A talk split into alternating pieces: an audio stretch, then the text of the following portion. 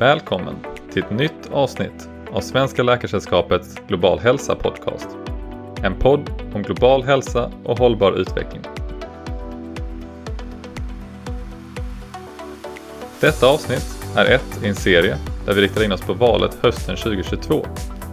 Vi gör det genom samtal med personer med olika roller inom det svenska global hälsa-landskapet för att få en bred uppfattning om hur vi som samhälle kan ta sats för förbättrad hälsa i ett globalt och lokalt perspektiv.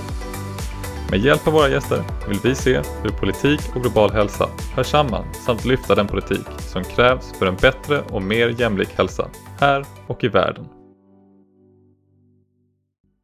Vi som ni hör i dagens avsnitt av podden är jag, Hedda, som är AT-läkare i Norrköping och eh, doktorand i global hälsa vid Uppsala universitet. Och så har vi också Sixten Elén, läkarstudent i Lund och Eh, ansvarig för global hälsafrågor i kandidat och underläkarföreningen.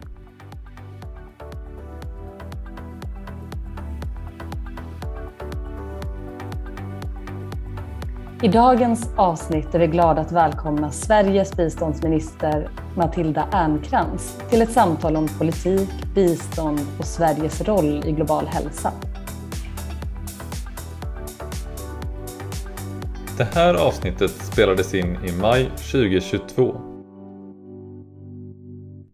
Välkommen Matilda.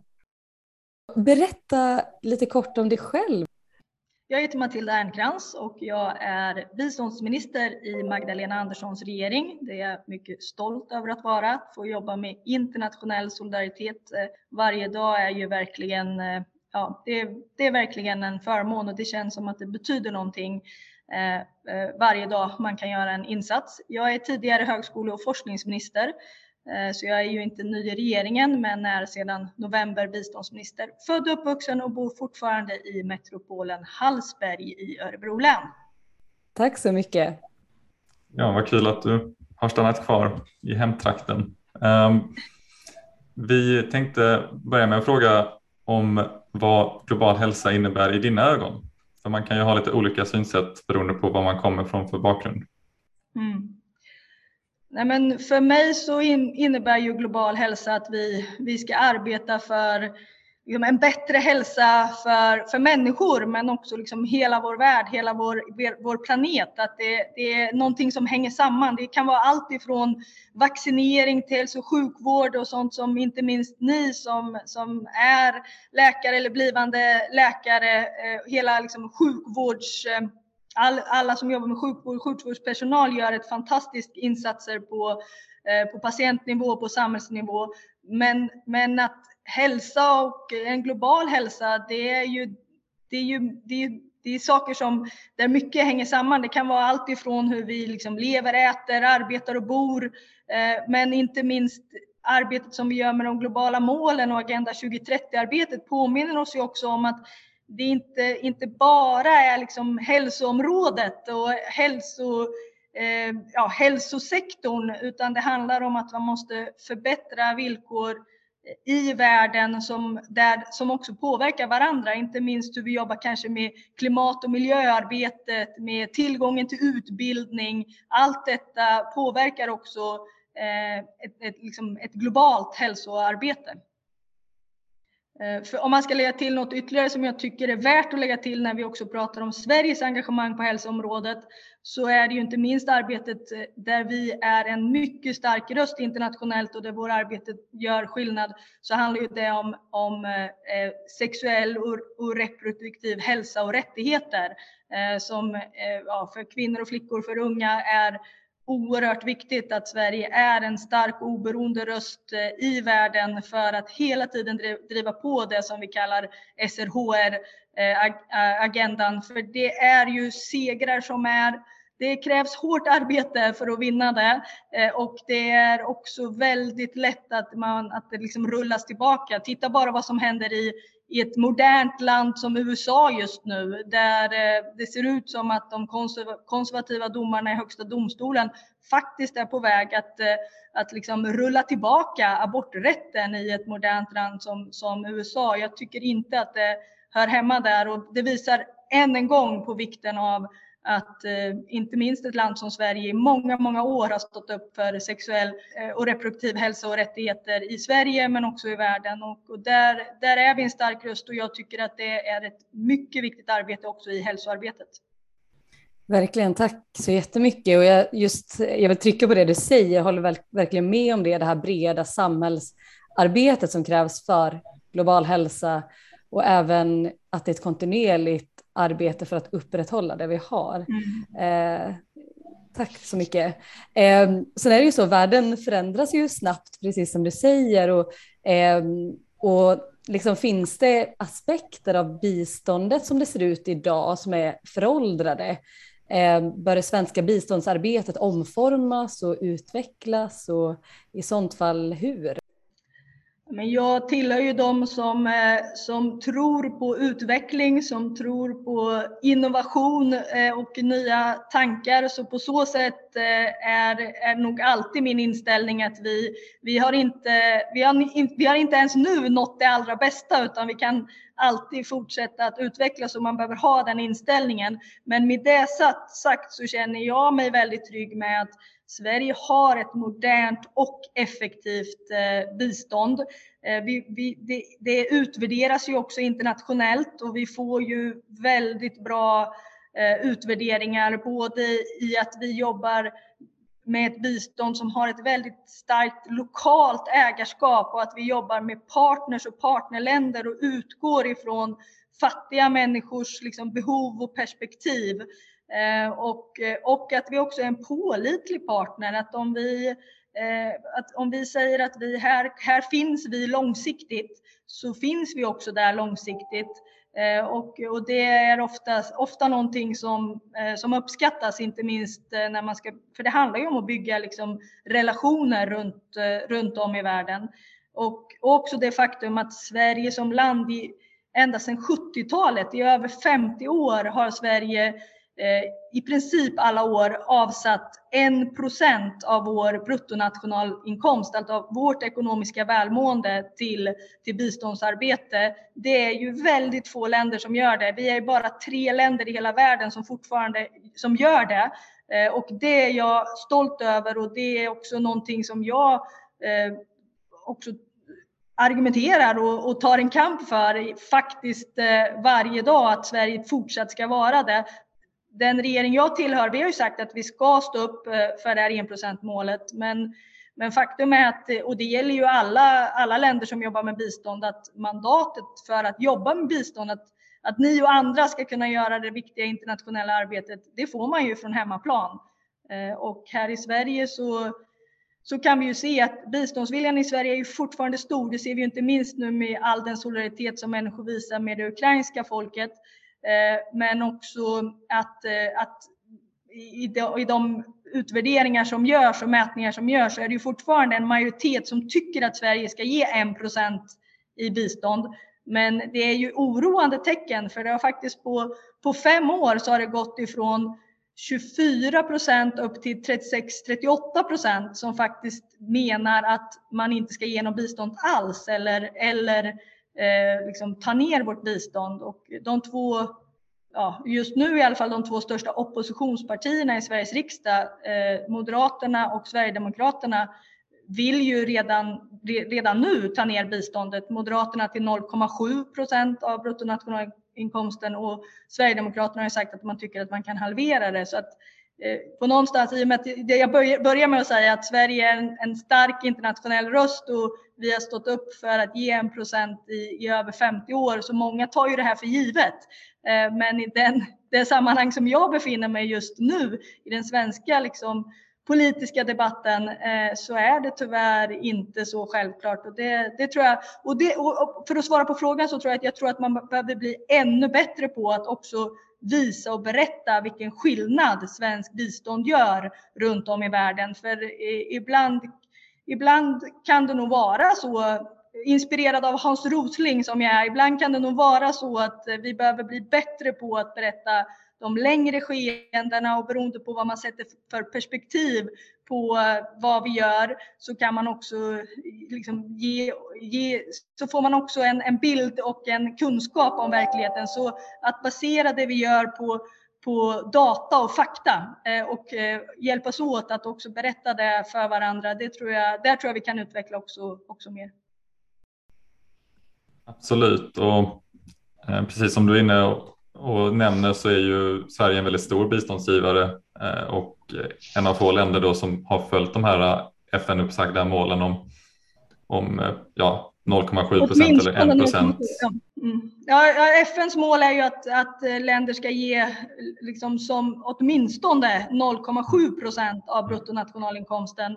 Mm. Men ärligt talat, jag tror idag att det bara är fem länder eller någonting i hela världen som ens når upp till 0,7 och så ligger då Sverige, Norge och Luxemburg. Vi ligger på 1 procent så att eh, eh, ja, vi, vi, är, vi är verkligen en stark aktör på Eh, när det gäller internationell solidaritet. Fast jag skulle vilja säga att det som gör att vi också är eh, starka är ju inte minst det arbetet som jag som eh, ni kommer utföra eh, och era kollegor och det man utför på, på plats runt om i världen. Eh, och, och också mycket av vårt svenska bistånd går ju också via starka civilsamhällesorganisationer som gör ett fantastiskt eh, arbete Eh, runt om i världen. Internationella Röda Korset exempelvis för att nämna någon. Och det är liksom det här samlade, det är liksom, ja, det samlade Sverige och som jag sa om vi tittar på solidariteten som finns nu, svenska folket eh, när det gäller att liksom stå upp eh, för när Ukraina faktiskt slåss. De slåss för sin frihet men de slåss också för vår frihet eh, och då finns vi, finns vi där. Så att jag, jag vill verkligen understryka att det är ett, ett samlat, och jag kommer ju som tidigare tidigare var jag högskole och forskningsminister och där kan man ju också se, det är ju en, en, en, en stor, det är många, många av våra lärosäten eh, som har sedan många, många år ett, ett starkt engagemang och utbyte eh, med utvecklingsländer för att bidra med forskning och kunskap och också eh, utbilda och bilda eh, runt om i världen eh, men på, på liksom egen, egna initiativ.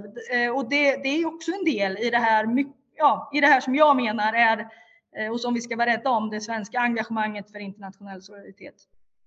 Precis, det, det kapacitetsbyggande mm. eh, arbetet är ju väldigt viktigt. Um, och eh, vi tänkte lite, om du kan bara utveckla lite mer hur du precis som, som svensk biståndsminister, hur, hur kan du verka för global hälsa? Ja, men dels så handlar det ju om att som sagt stå upp för eh, och ta kampen för att Sverige fort, fortfarande ska bidra med 1 av eh, vårt ekonomiska välmående till, till bistånd. Eh, men det handlar ju också om att, eh, att se de här helheterna tycker jag i det samlade engagemanget ifrån Sverige där det naturligtvis är det vi gör i vårt biståndsarbete men det handlar ju också om vårt klimatarbete. Vi har ju speciellt klimatbistånd som också är, är viktigt och där vi har sagt att och stå kvar vid den prioriteringen att vi ska fördubbla vårt klimatbistånd till 2025. Arbetet med demokrati, arbetet mot korruption, för sociala skyddsnät. Alla de att se den här eh, helheten som vi, som, eh, som vi verkar med. Och vi har ju ändå ett relativt stort hälsobistånd eh, i Sverige. Jag tror förra året låg det på 6 miljarder ungefär som vi, som vi kanaliserar på olika, eh, olika sätt. Dels via biståndsmyndighetens sida i bilaterala eh, länder-till-länder-sammanhang eh, eller snarare länder till civilsamhällen som jobbar i andra länder för vi har väldigt lite stöd, knappt inget alls som går direkt liksom, till en annan stat. Eh, men också internationella eh, fonder, globala fonden som, som jobbar mot aids och tuberkulos och eh, malaria som ni säkert kommer träffa på eh, mycket. Eh, men också genom Världsbanken eh, och andra delar. Och, och allt, allt detta är, eh, är sånt som man som biståndsminister jobbar med i Sverige. Men jag skulle också, eh, jag skulle också vilja understryka det som är He, som sagt, hela det svenska engagemanget, för vi är också med vårt starka bistånd en viktig diplomatisk röst eh, i Sverige som går bortom Eh, bortom biståndet eh, i internationella sammanhang. Och där är också enskilda aktörer som enskilda personer men också professorer, rektorer, studenter, organisationer, ja, så vidare viktiga som, eh, som, som diplomatiska röster i världen eh, och bidrar till en bättre hälsa men också förhoppningsvis en, en, generellt en bättre värld. Tack så mycket. Vilket eh, spännande svar att fundera vidare på också hur vi från så många olika sektorer mm. och aktörer i samhället kan eh, verka för global hälsa. Eh, sen har vi ju liksom de senaste två åren eh, levt igenom en pandemi och så som du nämnde tidigare, det är ju liksom tryckt tillbaka en del häls, liksom global hälsa-arbetet mm, på sätt och vis eh, och runt om i hela världen. Eh, och inom liksom, eh, Världshälsoorganisationen och globalt så pratar man ju om att vi ska bygga ett bättre samhälle nu. Vi måste liksom ta mm. sats för Agenda 2030 för att mm. eh, nå, eh, nå de målen vi satt upp.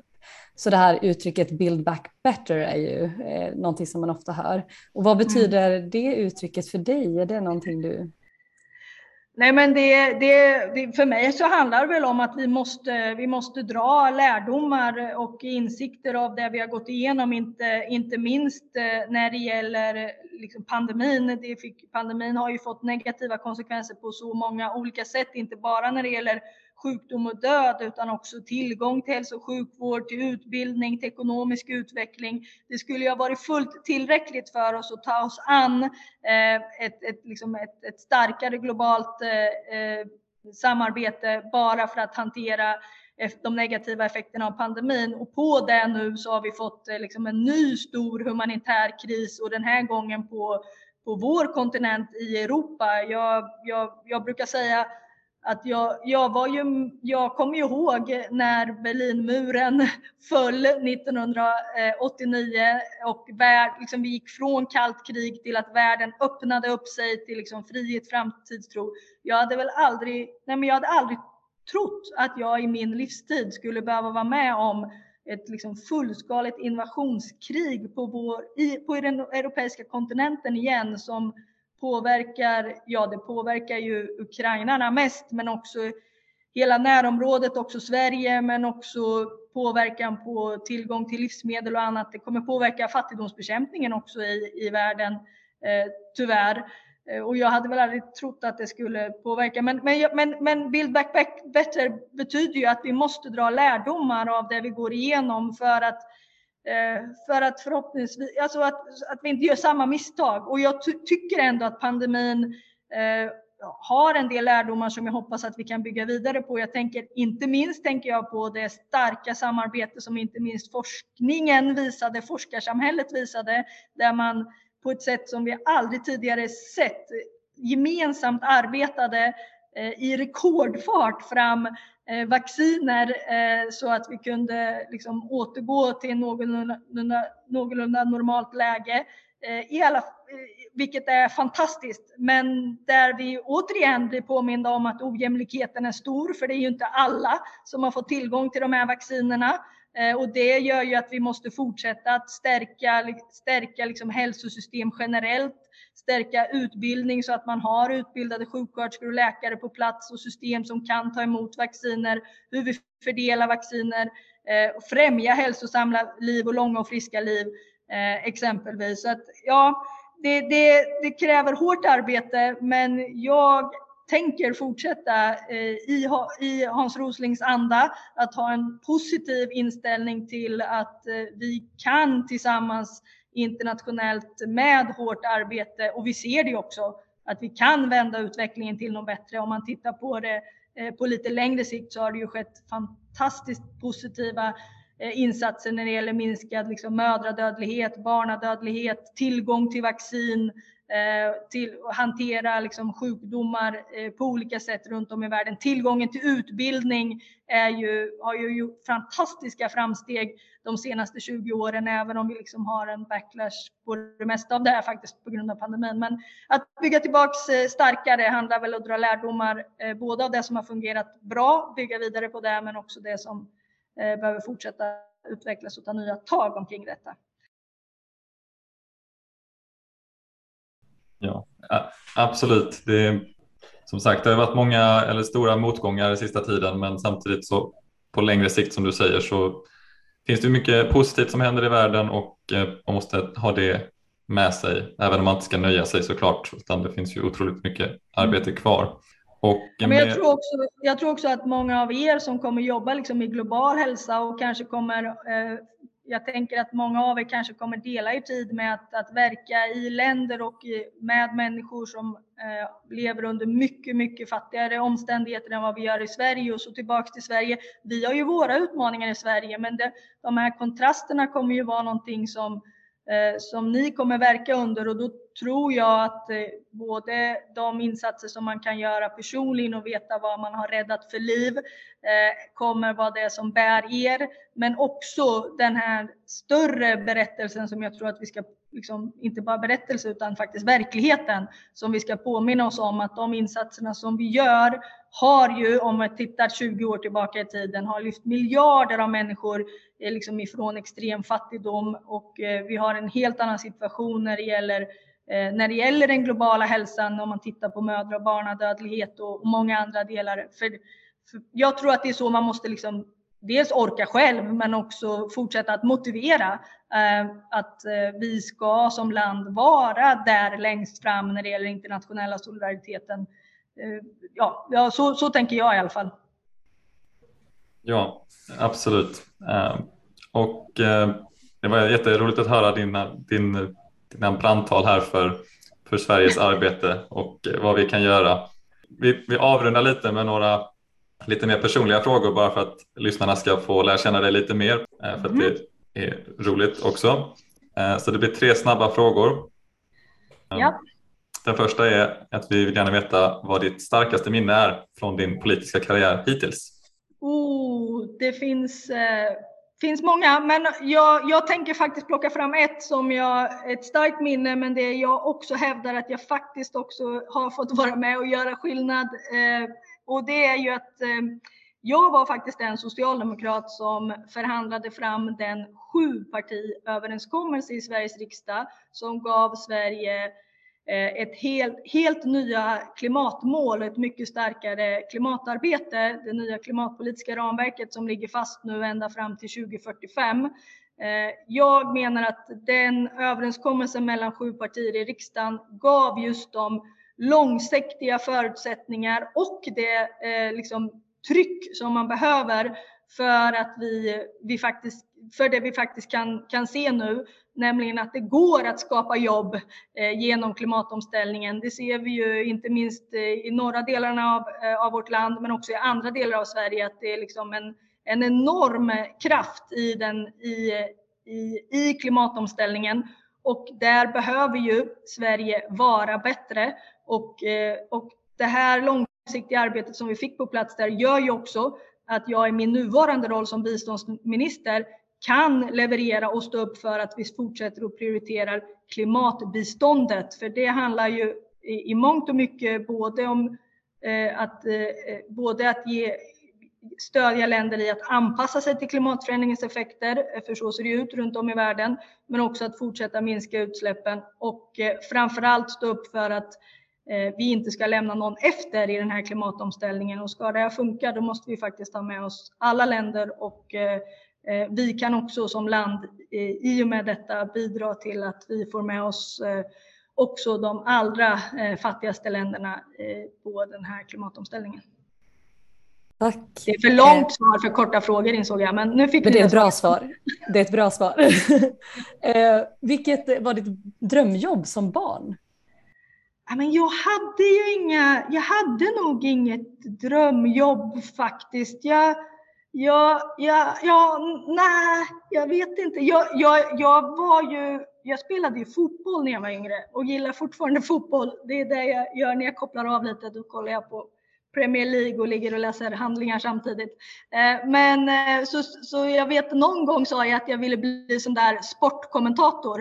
Eh, fast då var det någon som tyckte att jag inte hade röst nog för att vara sportkommentator. Jag vet inte. Jag, nej, men jag har nog aldrig haft något drömyrke. Jag är nog mer. Jag, jag är lite mer här och nu. Jobbar hårt med det jag gör just nu. Typ. Ja. Ja, röst nog tycker jag nog låter som att du har. Det har nog gått bra. Men eh, då kom du lite in på nästa fråga som var just vad du tycker om att göra på fritiden för att kanske koppla av från ditt ah, arbete. Just det. Jo, nej men jag gillar ju faktiskt fotboll. Eh, jag är ju också, det, som sagt, det, är det, jag, det blir alldeles för lite tid att koppla av, men att kolla på någon fotbollsmatch och ligga och läsa handlingar samtidigt. Sen är ju jag en sån där föreningsmänniska väldigt mycket. Jag jobbar ju, jag är ju också en del av ett parti som tar mycket av ens tid, men jag älskar föreningsliv. Så, så får jag chansen så står jag gärna i i kiosken och säljer lite korv eller någonting samtidigt som eh, någon man känner spelar en fotbollsmatch eller en handbollsmatch eller så. Så ja, vi har något som, i Hallsberg har vi något som heter Järnvägen Cup. Det är en jättestor handbollsturnering som har funnits i massor med år. Eh, jag har ingen längre i min familj som spelar handboll, men ni kommer nog se mig där i kioskförsäljningen. Eh, så det gör jag. Och sen har jag en hund som jag försöker ta på lite promenader och sådär. Så jag tror med det som jag jobbar med, jag tror att man övar upp sig på att snabbt, eh, snabbt varva ner och ta tillvara på den där lilla stunden där man får ja, låta tankarna flyga lite. Eh, som när man är ute och går med hunden till exempel. Eller kollar på fotboll. Härligt, tack. Och stort tack Matilda för att du ville vara med idag och berätta eh, om ditt spännande jobb och dina tankar om Sveriges roll i global hälsa och att vi fick möjligheten att lära känna dig och vad du gör på fritiden också. Eh, så om ni hade frågat mig för något år sedan hade jag sagt att jag också tyckte om att röra lite på mig själv, för jag gör faktiskt det. Jag tycker om att springa eller typ lufsa runt lite, men jag jag kan inte säga det idag för jag, jag måste återuppta det där motionerandet. Det, det är ju bra för ens hälsa.